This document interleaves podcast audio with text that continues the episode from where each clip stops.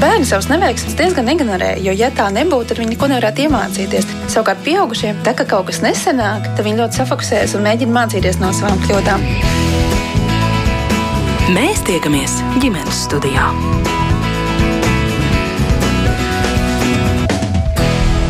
Labdien, klausītāji! No idejas par vajadzību veidot valsts aizsardzības dienestu līdz tās realizācijai ir tikai viens solis. Iespējams, jau nākamgad dienēt armijā dosies pirmie 500 brīvprātīgie, tad iesaukums divas reizes gadā - 1. janvārī un 1. jūlijā.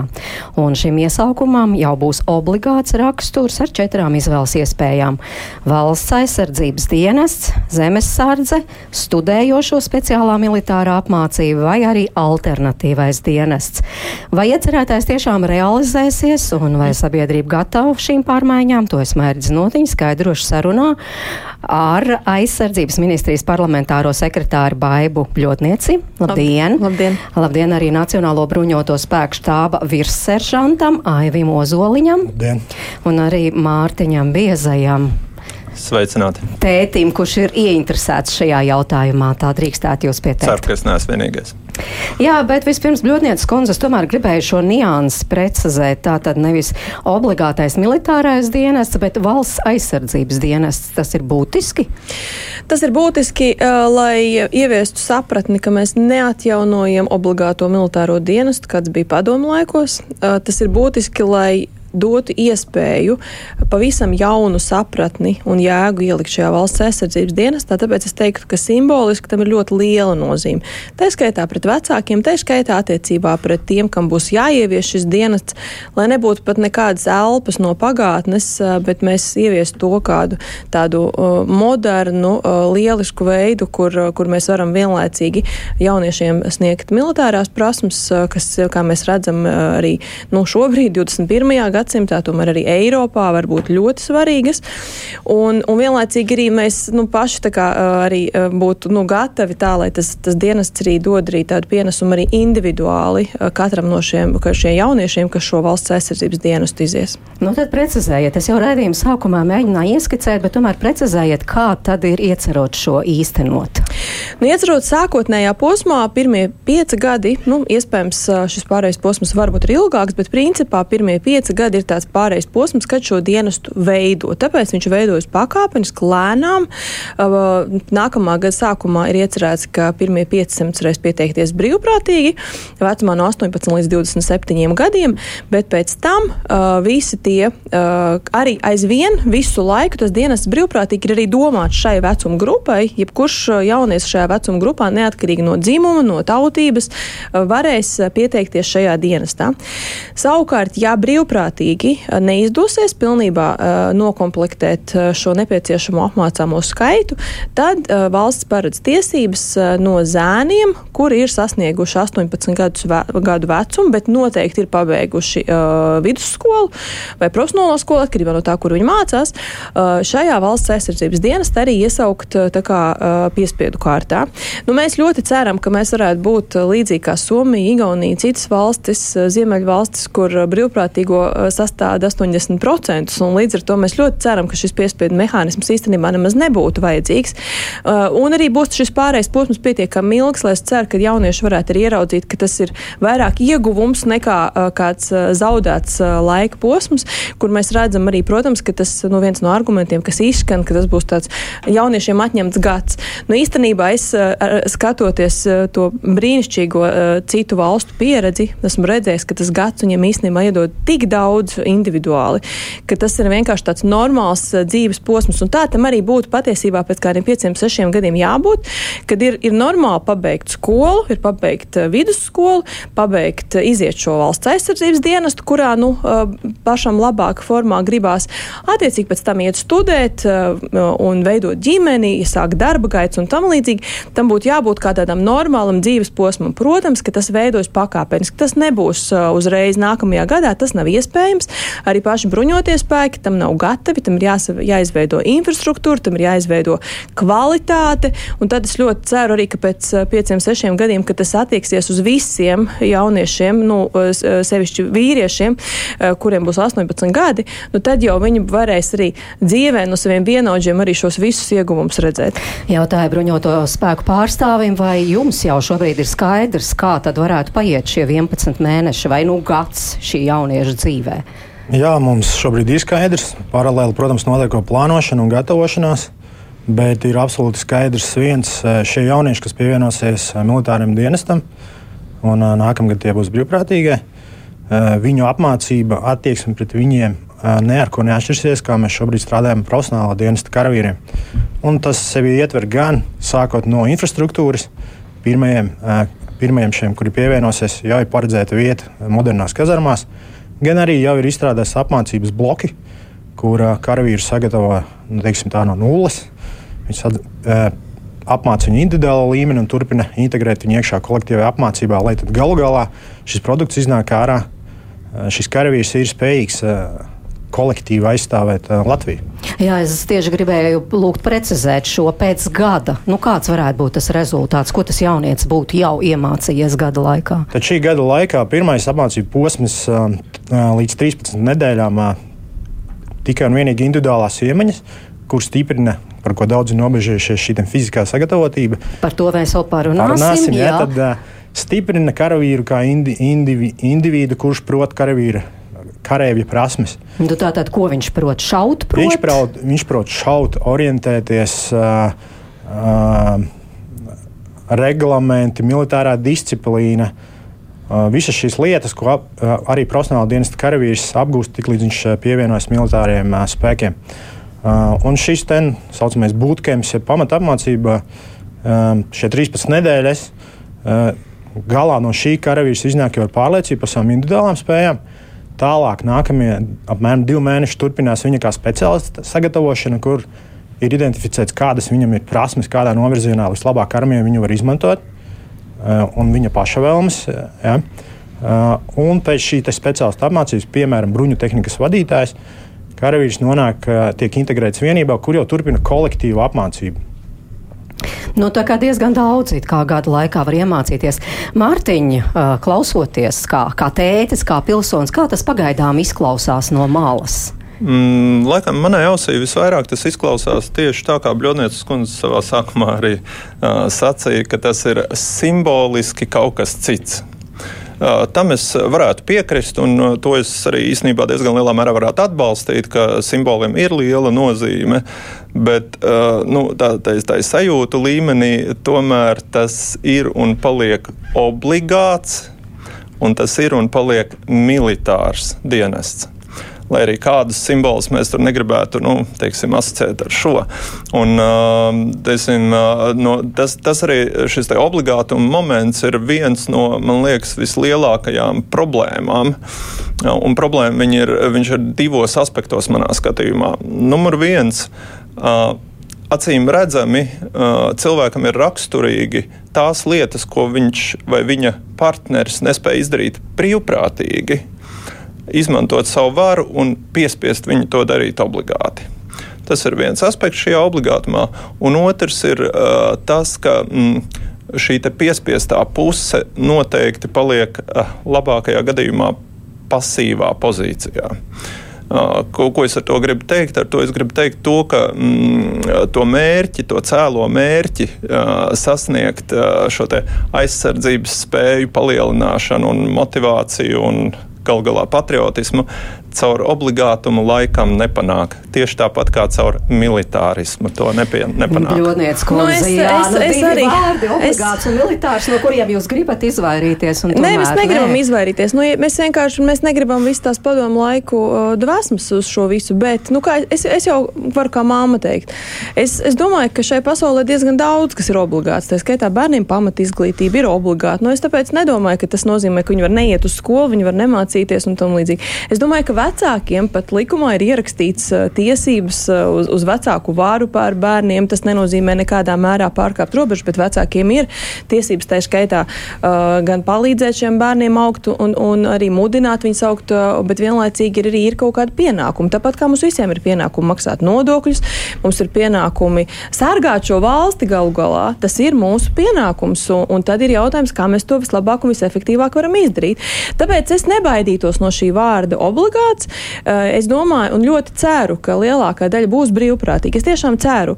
Un, un es domāju, ka tajā brīdī, kad ja, ka beigsies tas pārējais posms, nu, tas attieksies uz visiem jauniešiem, kuri būs sasniegušos 18 gadus, nu, zēniem sevišķi, jo meitenes iespējams, ka nākamajā solī var spērt attiecībā uz meitenēm arī, bet tas tāpat būs pēc gadiem, es nezinu, nu, desmit vai, vai vairāk, ja, ja to ceļu izvēlēsies valsts iet.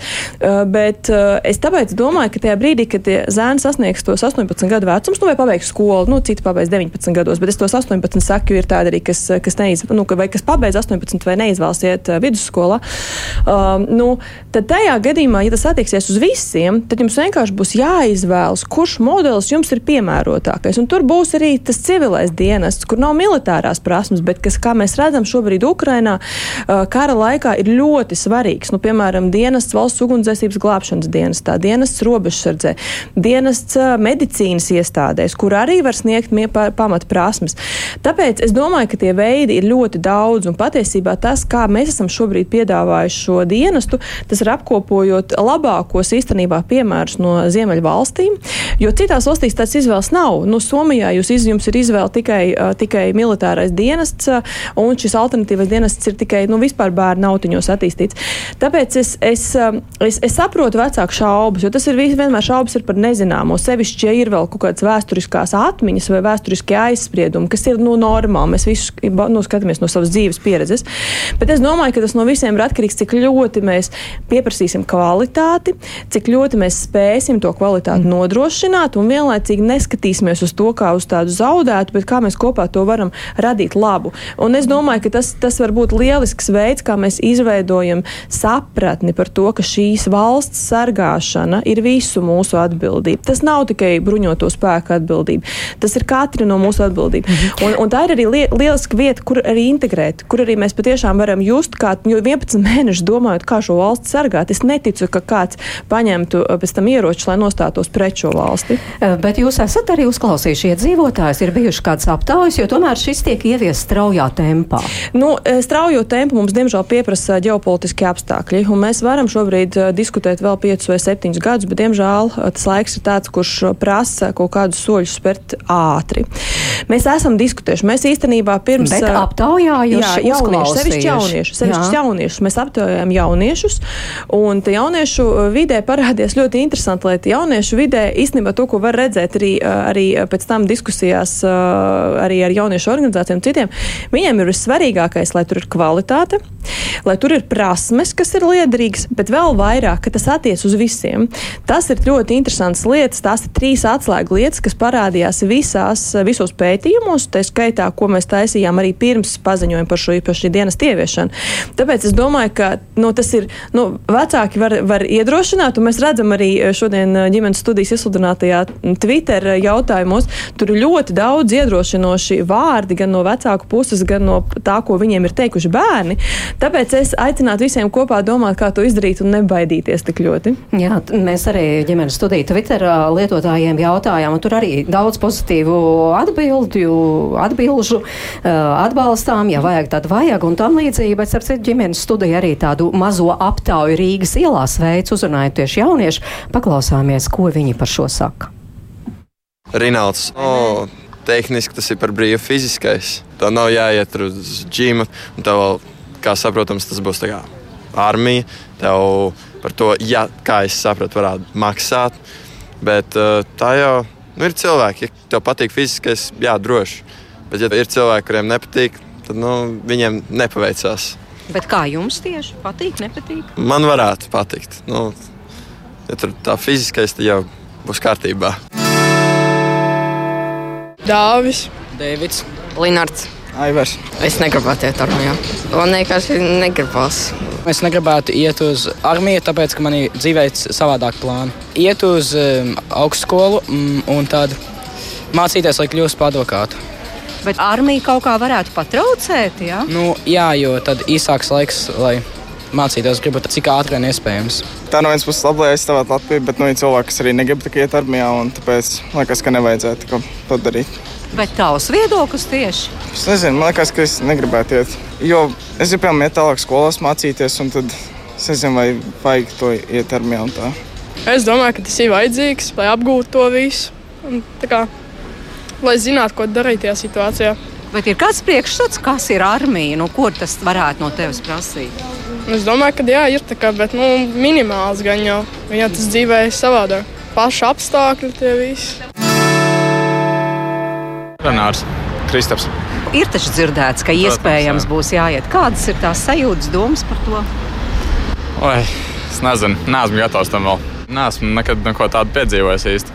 Nu, tajā dzīvos redzēs. Nākotnes plāns nevarētu patraucēt. Nu, gan jau, jā, bet es vēl neesmu izdomājis, ko es darīšu pēc skolas beigšanas. un Pagaidām tas neko netraucētu. Kā jums? Personīgi es eh, teiktu, ka es dotos projām no Latvijas. Es uh, netaisos karot. Jā, tā ir mana nostāja.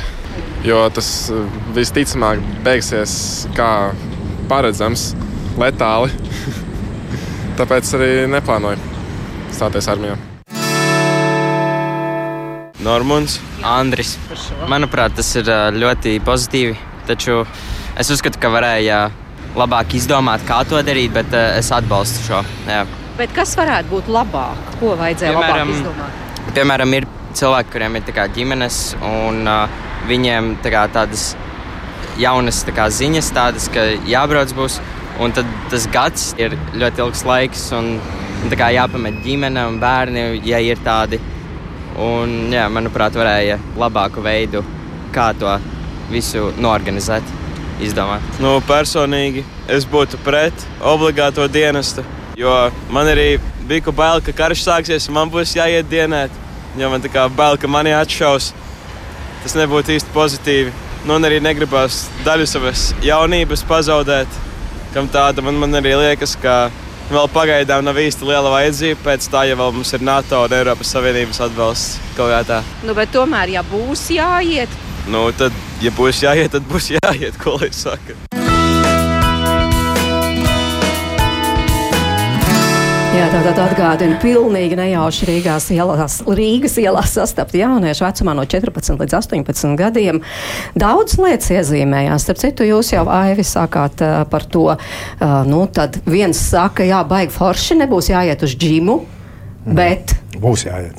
Nu, labi, vienalga būs super, jāiet. jā. Super moderns džima ādažos. Jā, džims ādažos, bet es nezinu, vai visi tiešām mūsdienu jaunieši, īpaši tie, kuri um, visus vakarus pavada pie viedierīcēm, vai viņi par to būtu priecīgi un vispār spējīgi, vai tas vairāk ļaunuma nodarītu viņu veselībai, nevis labumu. Es šeit uh, vairāk diezgan daudz dzirdēju īstenībā šajās intervijās šaubas.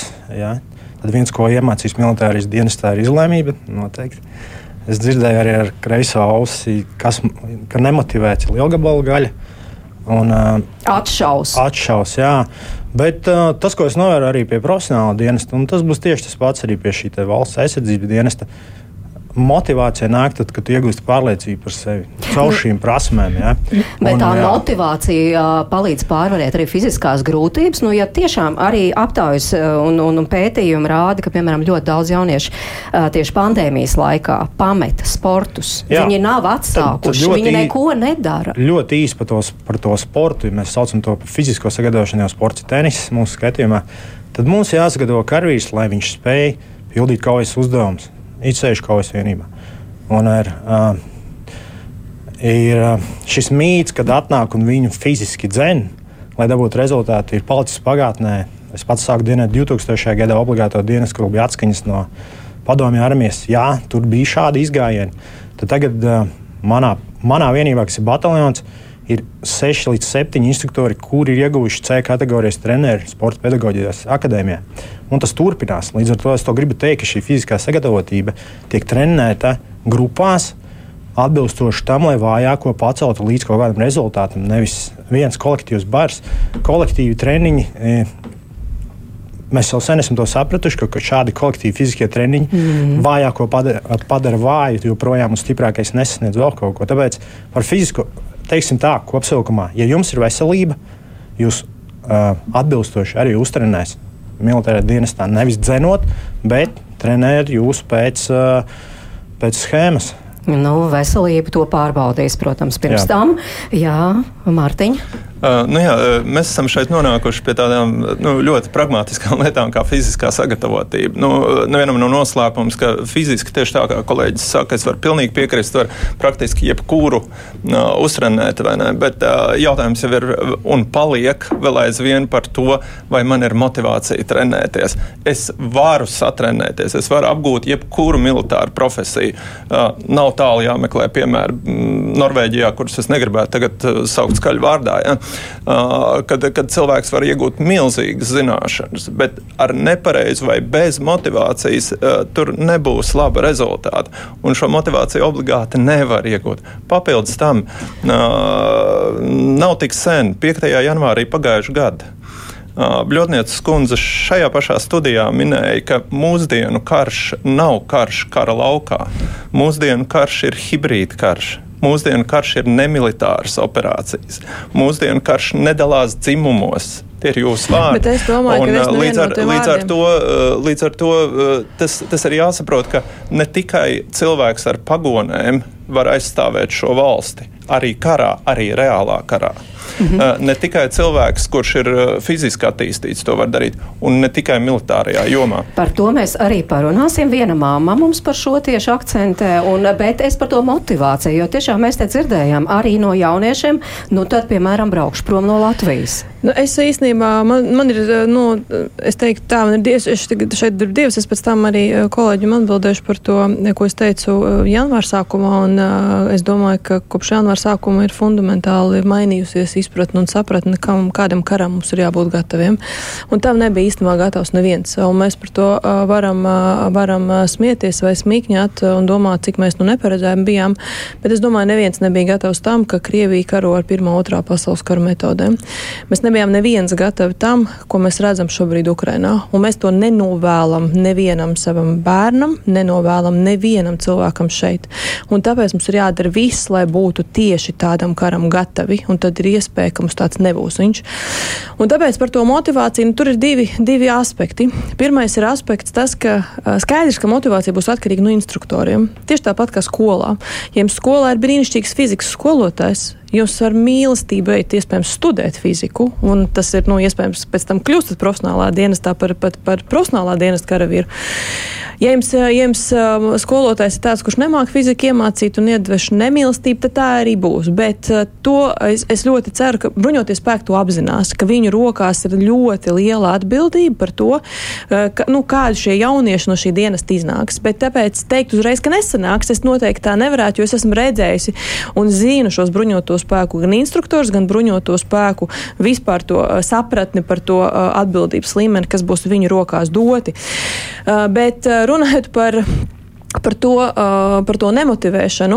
Nu, es domāju, ka mēs šobrīd nevaram atļauties tādu luksu, kā sēdēt divānos un izlikties, ka mums nav vajadzīgs uzlabot prasmes, ka mums nav vajadzīgs papildināt armijas rindas, ka mums nav vajadzīgs prasmes iespējams caur civiliem dienestiem. Jā, es pilnīgi piekrītu. Viena daļa gan no tās intervijas neatsauc, un tieši pretēji mēs viņu uzturam, ir, ka kara laikā mēs redzam, ir vajadzīgs virkne citus prasmi. Tāpēc būs jaunieši, kurus mēs mēs arī aicinu mudināsim apgūt šīs prasmes caur ugunsdzēsības un glābšanas dienestu, caur veselības sektoru un tam līdzīgi. Bet Jā, mums vajag arī armiju, un, un mums vajag arī cilvēkus, kuriem ir militārs prasmes, kur spēja aizsargāt gan sevi, gan savas ģimenes, gan savu valsti.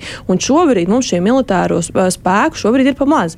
Mēs redzam, ka Polijā tiek dubultot šobrīd gan armija, gan arī apmācāmo skaits. Līdzīgu ceļu iet arī citas valstis. Šobrīd mums ir jābūt gataviem šo savu mazo mīļo zemi visiem kopā sargāt, un tāpēc mums ir vajadzīgs attīstīt prasmes. Jā, mēs mēs zinām, ka nu, valsts nākotne ir mūsu bērnu rokās. Skaidrs, tā tas ir. Bet mūsu atbildība ir ielikt viņiem to platformu un ceļu, caur ko tad viņi tur arī mm -hmm. var nokļūt. Jā, Aivo Zoliņa no Nacionālajiem bruņotiem spēkiem. Nu, tas tomēr būs citādi strādāt ar tiem nemotivētajiem. Līdz šim jau tomēr uz armiju nāk tiem, tie, kuri izvēlas. Pilnīgi pareizi piekrīt. Tas ir piln, tikai un vienīgi mūsu pašu rokās, militārie šie bruņoto spēku instruktori. Uh, piedzīvojums, kvalitatīva apmācība. Tas ir tas, kas var šos nemotivētos padarīt motivētus. Atceros pats, kad pievienojos obligātiem arī komandas biedri, jeb šie kolēģi, ievelka, aizvelka, parauja. Un, pēdējais, ko es runāju ar vienu dāņu militāristu, viņš teica, Mums nāk uz obligāto dienas cilvēku, jo tas ir adventure piedzīvojums, kur mēs iemācāmies prasmes. Mūsu uzdevums, un mēs to izdarīsim, ir šādu pašu adventure un prasmes veidot arī šeit, lai mm. radās šī motivācija. Jā, tas ir tas, kas iespējams mūsdienu jauniešiem tiešām ļoti pietrūkst.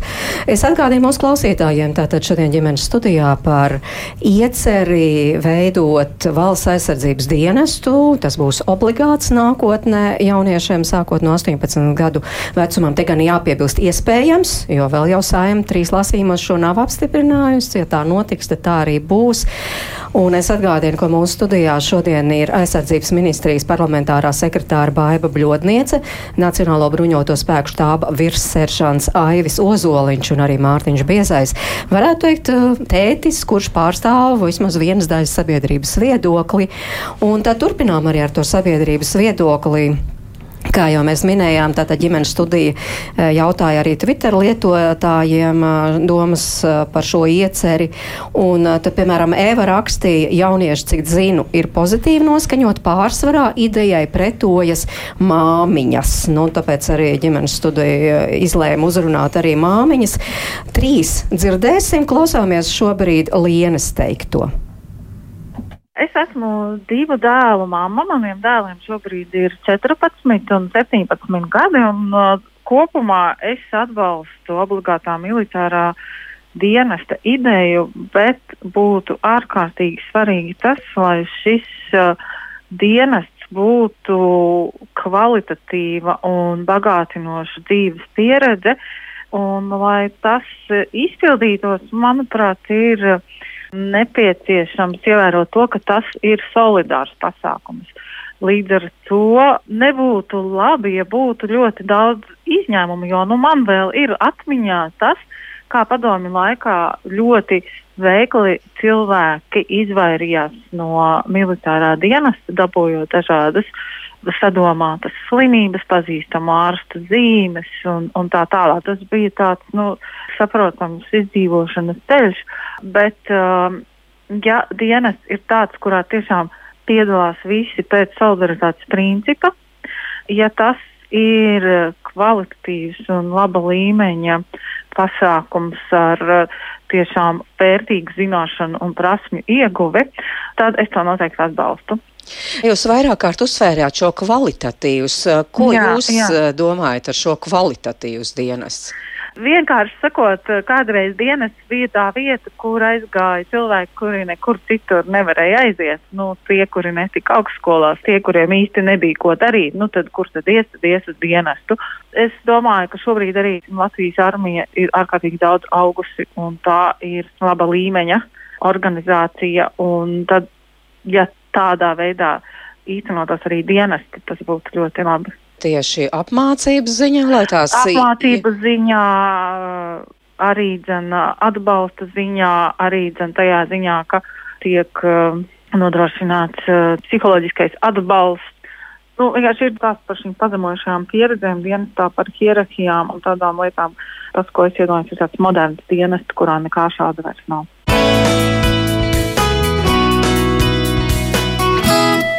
Nu, lūk, viens viedoklis varētu teikt, ka šo jau mēs izrunājām. Aivi, jūs arī teicāt, ka tā tad šī nav tā pati armija, kas bija padomi laikos, vai ne? Ir jāsaprot, ka šī ir NATO moderna armija un vienīgā hierarhija, kas ir tā militārā hierarhija, kas ir absolūti normāla, lai vadītu karavīrus. Nekas no tā, ko, par ko satraucās šī māmiņa sen vairs nenotiek bruņoties spēki. Bet par to solidaritāti. Tas nu, ir tieši tas, tie vecie laiki ir atmiņā. Tiešām katrs mēģināja izvairīties, kā nu prot un var. Es, es to solidaritāti, es, es patiesībā um, par pilnībā pievienoties katram vārdam, ko teica Liena bija. Liena, jā. jā, Liena, jo man liekas, viņa ļoti precīzi pateica, un es patiesībā domāju, ka tas ir tas, ko nevajadzētu izdarīt, nu, kamēr vēl šis likums ir parlamentā vai pēc tam arī. Nevajag taisīt izņēmumus. Mēs esam piedāvājuši ļoti daudz alternatīvas, un patiesībā katrs var atrast diezgan daudz formas, kādā veidā, nu, kas viņam ir piemērotāks. Un, un līdz ar to es arī esmu pret visiem šiem izņēmumiem. Jaunieši paši arī teica, uzsvēra šo solidaritāti kā ļoti svarīgu, un it sevišķi, ja tu vari pēc tam iziet šo dienestu kopā ar saviem klases biedriem, ar saviem vēl. Tas viss ir, saka, tas ir tāds normāls nākamais dzīves posms. Un, un vēl, nu, es, es ticu, ka mūsu armija ja, ja salīdzina pret eh, to obligāto dienestu, kad arī vēl bija nereformētā un ne, eh, ne šobrīd esošā mūsu armija, tad, protams, ka tās visas bažas raisās. Nu, skaidrs, ka cilvēki arī ikdienā jau neredz to Latvijas armiju, un tāpēc viņiem iespējams ir vēl kaut kāda aizspriedumi. Bet, eh, ja, ja jūs iedomājaties to ādažu militāro bāzi, par kuru mēs šobrīd runājam, par kuru sākšies šī apmācība, tā ir bāze, kuras vēl pagājušā nedēļā, kur notika starptautiskas apmācības, kur bija ieradušies tā skaitā profesionāli profesionālā dienesta karavīri no Itālijas, kuri teica, ka Ādažu militārā bāze ir tā, kur Itālijā profesionālā dienesta karavīri cīkstās par to, lai viņi varētu braukt misijā pie mums, jo tas kvalitātes un apmācību līmenis, kāds ir Latvijā, ir reti kurā pat NATO uh, militārajā bāzē. Tāpēc, tāpēc par kvalitāti, bet, protams, jā, visi atslēgi ir instruktori. Mm -hmm. Visi atslēgi ir instruktori. Jā, bet, starp citu, arī jaunieši neredz. Mēs dzirdējām arī jaunieši teikt, jā, nu jā, mēs tā kā iedomājamies, bet kas tā armija, nu, kas tur jā. varbūt, ka ir kaut kā jārīko tagad uh, uz šī viļņa, mm -hmm. piemēram, jaunieši, Notiks. skolu jaunieši jāaizvada, jāparāda, lūk, šī tā viss notiek. Jau šonedēļ tad šajā sauszemes spēku brigādē notiks filmēšana, lai parādītu, kāda ir šī apmācība un ikdiena un infrastruktūra. Un šīs būs noteikti visai publikai pieejamas. Jā, es... viņiem, ir, viņiem ir tas, nu, bet ādaža otrs ir alūksne, kurā arī šobrīd mm. notiek uh, šī pamata apmācība, arī alūksnes bāze, kas vispār ir super skaistā vietā pie, pie, pie ezera uh, un uh, ar visu iespējamo, ko jūs varat iedomāties tādā vietā, kur sākot no visa sporta bāzēm, beidzot ar, ar pirtiņām, atpūtas vietiņām un tam līdzīgi. Tā visa vīde, protams, ir ļoti svarīga, bet nu, šobrīd, protams, kad ir daudz ko attīstīt infrastruktūros, skaidrs, tas ir viens no iemesliem, kāpēc arī šo iet pakāpeniski. Jo, protams, ka infrastruktūra nevar šobrīd uzņemt 5000 vai 6000 jauniešus gadā, un lai viņi būtu kvalitatīvi, tur ir vajadzīgs laiks, lai viņi ieviestu. Tas skaidrs, bet esošā ir pilnībā mm -hmm. gatava, un jā, bet nu, viņi ir jāparāda. Jā, bet valsts aizsardzības mācība, ko ieviesīs skolās, tā varētu būt palīdzoši jauniešiem, lai saprastu, lai pieņemtu vieglāku lēmumu, izsvērtāku, piemēram. Es patiesībā uz to skatos, ka tā valsts aizsardzības mācība jau ir pirmais solis valsts aizsardzības dienestam faktiski. Un tas attieksies uz pilnīgi visiem. Viņam ir vairāk kā sko simts skolās šobrīd notiek. No 24. gada būs visās skolās. Un jā, valsts aizsardzības mācības instruktori, kas ir skolās, patiesībā jau varēs tiem jauniešiem palīdzēt, izvēlēties un saprast tos labākos virzienus, kas ir individuāli viņiem piemērot. Un otrs ir, viņi varēs palīdzēt arī sniegt kādus impulsus, arī tā skaitā priekš Nacionālajiem bruņotiem spēkiem, lai saprastu, kurš novirziens šim jaunietim ir labāk piemērots. Jo, ja ir kāds ar ļoti augstu potenciālu, visticamāk mēs viņu mudināsim iet šo caur šo komandējošo sastāvu kursu, bet kas, ir, nu, kas prasa ļoti ilgu laiku, ļoti augstu sagatavotību nu, un tam līdzīgi. Mm -hmm. Jā, Mārtiņ, pārliecina jūs par uh, solidaritāti un kvalitāti. Šis, šis argumenti. ir svarīgs lietas, bez šaubām. Uh, un es ticu, ka uh, aizsardzības ministrijas tic, ka Latvijas Nacionālajā bruņoties spēki ir ļoti daudz investējuši betonā. Uh, es atvainojos par tādu vulgārismu, bet maz cilvēkos. Uh, cilvēkos kādā aspektā vismaz divos. Numur viens, kā jau mēs dzirdējām, iela intervijās, cilvēki nezina par šīm brīnišķīgajām bāzēm. Viņi nezina par alūksni, viņi nezina par kadagu, viņi nezina par ādažiem. Vēl jau vairāk viņi nezina, kas tur notiek iekšā, kā un kāpēc. Otra pusīte ir tā, ka valsts kontrole šonadēļ ir nākusi klajā ar ļoti plašu pētījumu par nacionālajiem bruņotajiem spēkiem no finanšu viedokļa. Un, viens no fundamentāliem secinājumiem ir tas, ka ir ļoti nema, ne, nemotivējoša personāla politika. Un kas to pierāda? To pierāda tas, ka 80% no NBS pastāvīgā, jeb profesionālā dienesta dalībniekiem ir augstākā līmeņa armijas vadītāji, un tikai 20% ir ierīnas kareivi, kas nozīmē, ka tieši šī motivējošā, tā skaitā finansiāli motivējošā personāla politika ir kā lai saka, nemotivējoša. Tā, kurš aizstāvēsies vispirms Mēs... Aivis varbūt, un tad arī Rūta Bļodniece. Jā, pavisam Baiba. īsi, Baiba. Jā, piedodiet. Jā, iet uz priekšu, jā. Varbūt ne gluži aizstāvēšos, bet, nu jā, ja šāds pētījums ir un šādi fakti ir, ir tad ir. Bet um, no bruņoto spēku puses, tieši no sauszemes spēku puses, es saku vēlreiz, mēs strādājam saviem karjeriem tā, lai gatavotu viņu, gatavot viņus kaujai. Un, un tas nozīmē sevi kvalitatīvu apmācību. Baiba, nu, es, es, es droši vien neiešu detaļās tajā valsts kontrolas ziņojumā, bet valsts kontrolas ziņojums patiesībā pateica tieši to, ka mums ir vajadzīgs valsts aizsardzības dienests, ka bez valsts aizsardzības dienesta nav iespējams pilnvērtīgi nokomplektēt Nacionālo bruņoto spēku sastāvu. Uh, bet uh, tas ir tas arī, kāpēc mēs šo valsts aizsardzības dienestu virzam. Patiesībā valsts kontrole neko šausmīgi kritiski nepateica. Ir vesela virkne lietas, kur mēs zinām, jā, profesionālā dienesta karavīriem ir jāceļ atalgojums. Mēs to zinām, bet uh, mums ir vesela virkne vajadzību, un viņas ir kaut kā nu, pa, nu, balansē, tā skaitā no tā, ka mums ir vajadzīgs moderns bruņojums, mums ir vajadzīgs attīstīt infrastruktūru, mums ir vajadzīgs celt profesionālā dienesta atalgojumu, un tas viss notiek pakāpeniski, bet nevar atstāt nevienu no šīm lietām kā mazsvarīgu. Bet uh, es, uh, es neredzu tur nu, lielu bāžu. Es, es, es saprotu, ka, ka visiem liekas, ka, ka par to netiek domāts. Tiek domāts tas, kas attiecās uz, uz to, kāpēc nezinu par šo armiju un ka, cik viņi ir labi bāzes kādas un tam līdzīgi. Nu, teiktu tā, patiesībā jau zina tie, kas grib zināt, jo, jūs vienkārši par to neesiet ikdienā domājis, kā par jebkuru citu lietu savā dzīvē, kamēr jūs nesākat par viņu interesēties, tikmēr jūs par viņu neko nezināt. Nu, tas ir pilnīgi normāli, jo patiesībā armijai gan ir atvērto durvdienas, gan armija piedalās ar, ar savām militārajām tehnikām un visur visās iespējams. Ir pilns īstenībā Latvijas armija Facebook kontam piesakojoties. Tur ir ļoti daudz informācijas un video materiālu no visām šīm lietām. Es pat personīgi esmu taisījusi arī video materiālus, tā skaitā par alūksni. Tā kā nu, ir, ir, ir, ir informācija. Jā, nu šis ir tas brīdis, kad tiešām daudz gan jaunieši ir sākuši interesēties, kas tas īsti ir, gan arī viņu mammas, kā jau teica. Uh, turpinām ar mammu viedokli, klausāmies uh, Maira. Nu, es par šo jautājumu pirmajā brīdī, kad būs jāiet tajā dienestā, pēkšņi no tās savas komforta zonas, tu kā esi izsis un sāc aizdomāties. Bet tad, kad tu saproti, kas notiek pasaulē, un, protams, ka mums visiem ir jāaizstāv savu Latviju, tad es noteikti esmu no tām mamām, kas uzskata, ka ir jāiet apmācībās un un ir jāiemācās, kā rīkoties tajās situācijās, ja kaut kas notiek. Bet nu, tās bažas bija par to, ka es esmu tās paudzes cilvēks, kas atceros to laiku armiju. Bet es domāju, ka šobrīd jau pilnīgi ir savādāk, un, un es domāju, ka ir jāpaļaujas, ka mums ir arī labi organizatori un, un komandieri, ka viņi arī pret puišiem izturēsies ļoti. Nu, tā pareizi un mācīs, lai viņam nebūtu bail. Nu, tas tās ir tikai manas mammas bailes. Es īstenībā runāju kā mamma, jo tā kā es runāju ar savu puiku. Viņš reizēm kautrējās par manām bailēm un bažām, jā, jo man nāk līdzi tas mantojums. Bet bail, par ko tev ir bail?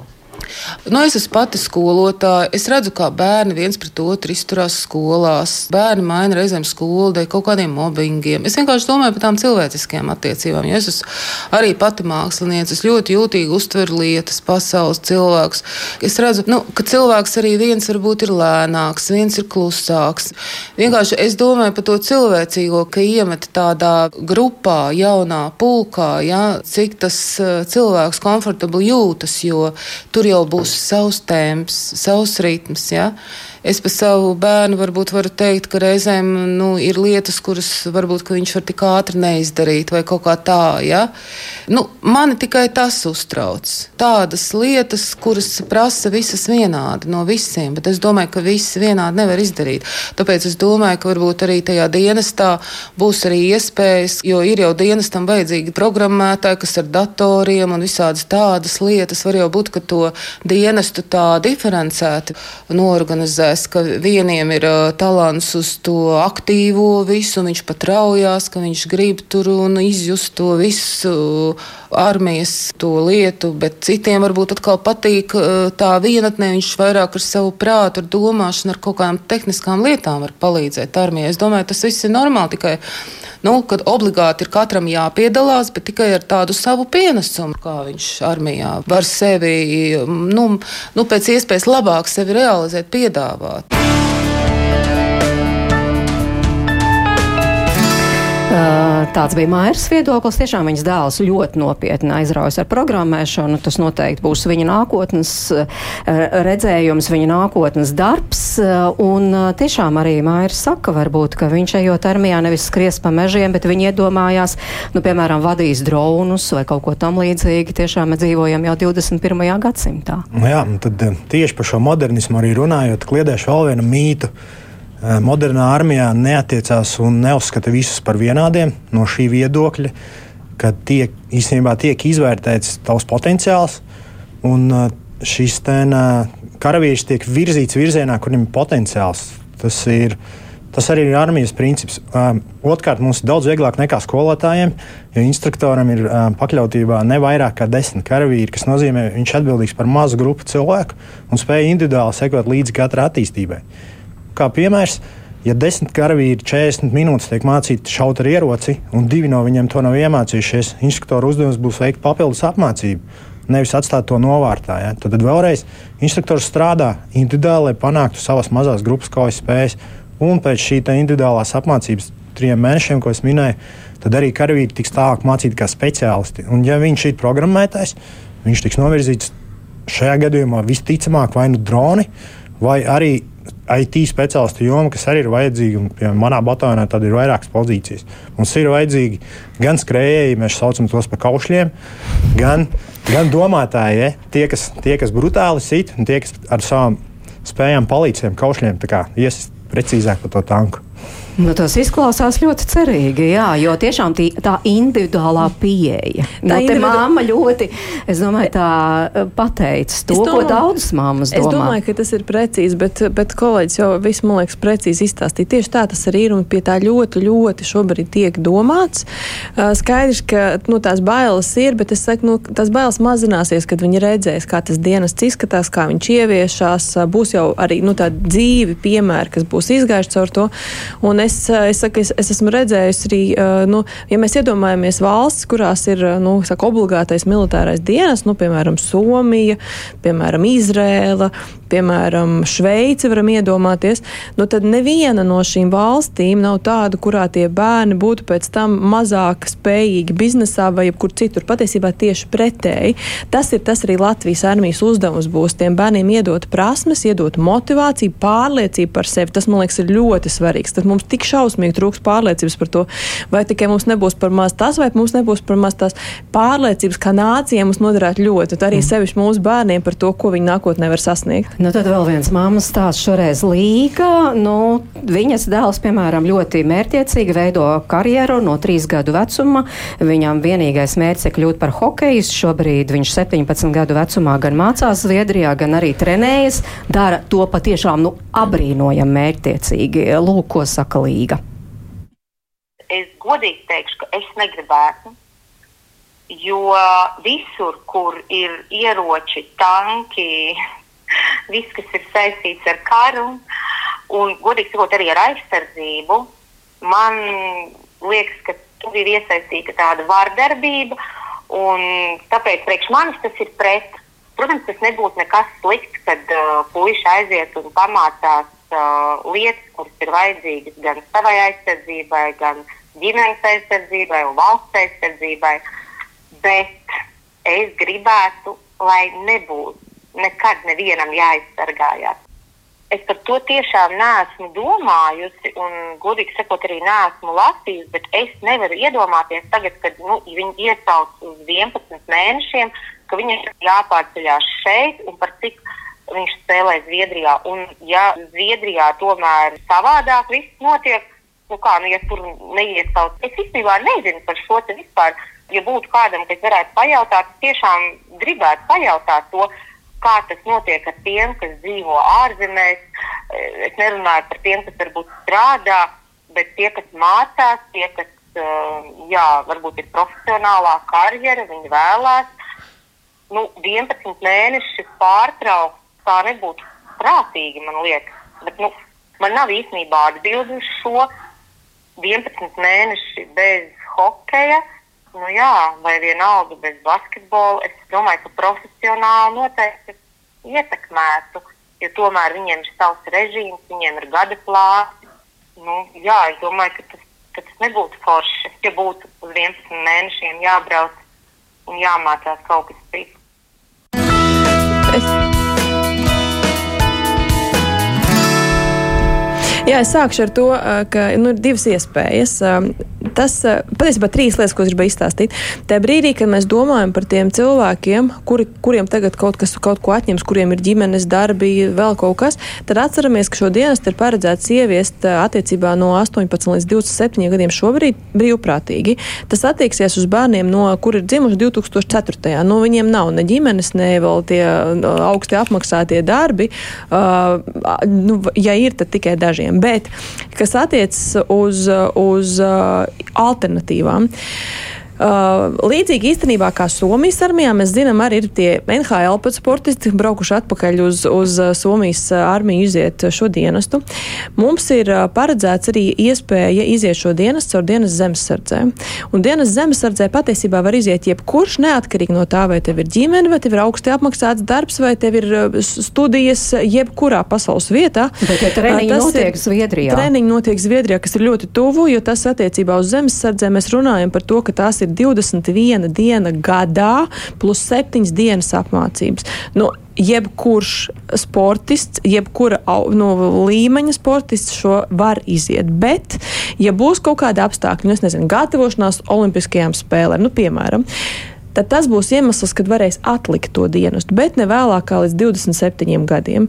Jā, būs arī iemesls atlikt dienestu, ja gadījumā tev ir plānots, ka būs bērns līdz pusotra gada vecumam, kas arī ir normāli. Nu, sākumā ir, ir jārūpējas par bērniem, bet at, ir alternatīvas formas. Un caur šo dienestu zemesardzē 21 plus 7 dienas gadā, nu, to var iziet jebkurš, nu, tiešām jebkurš.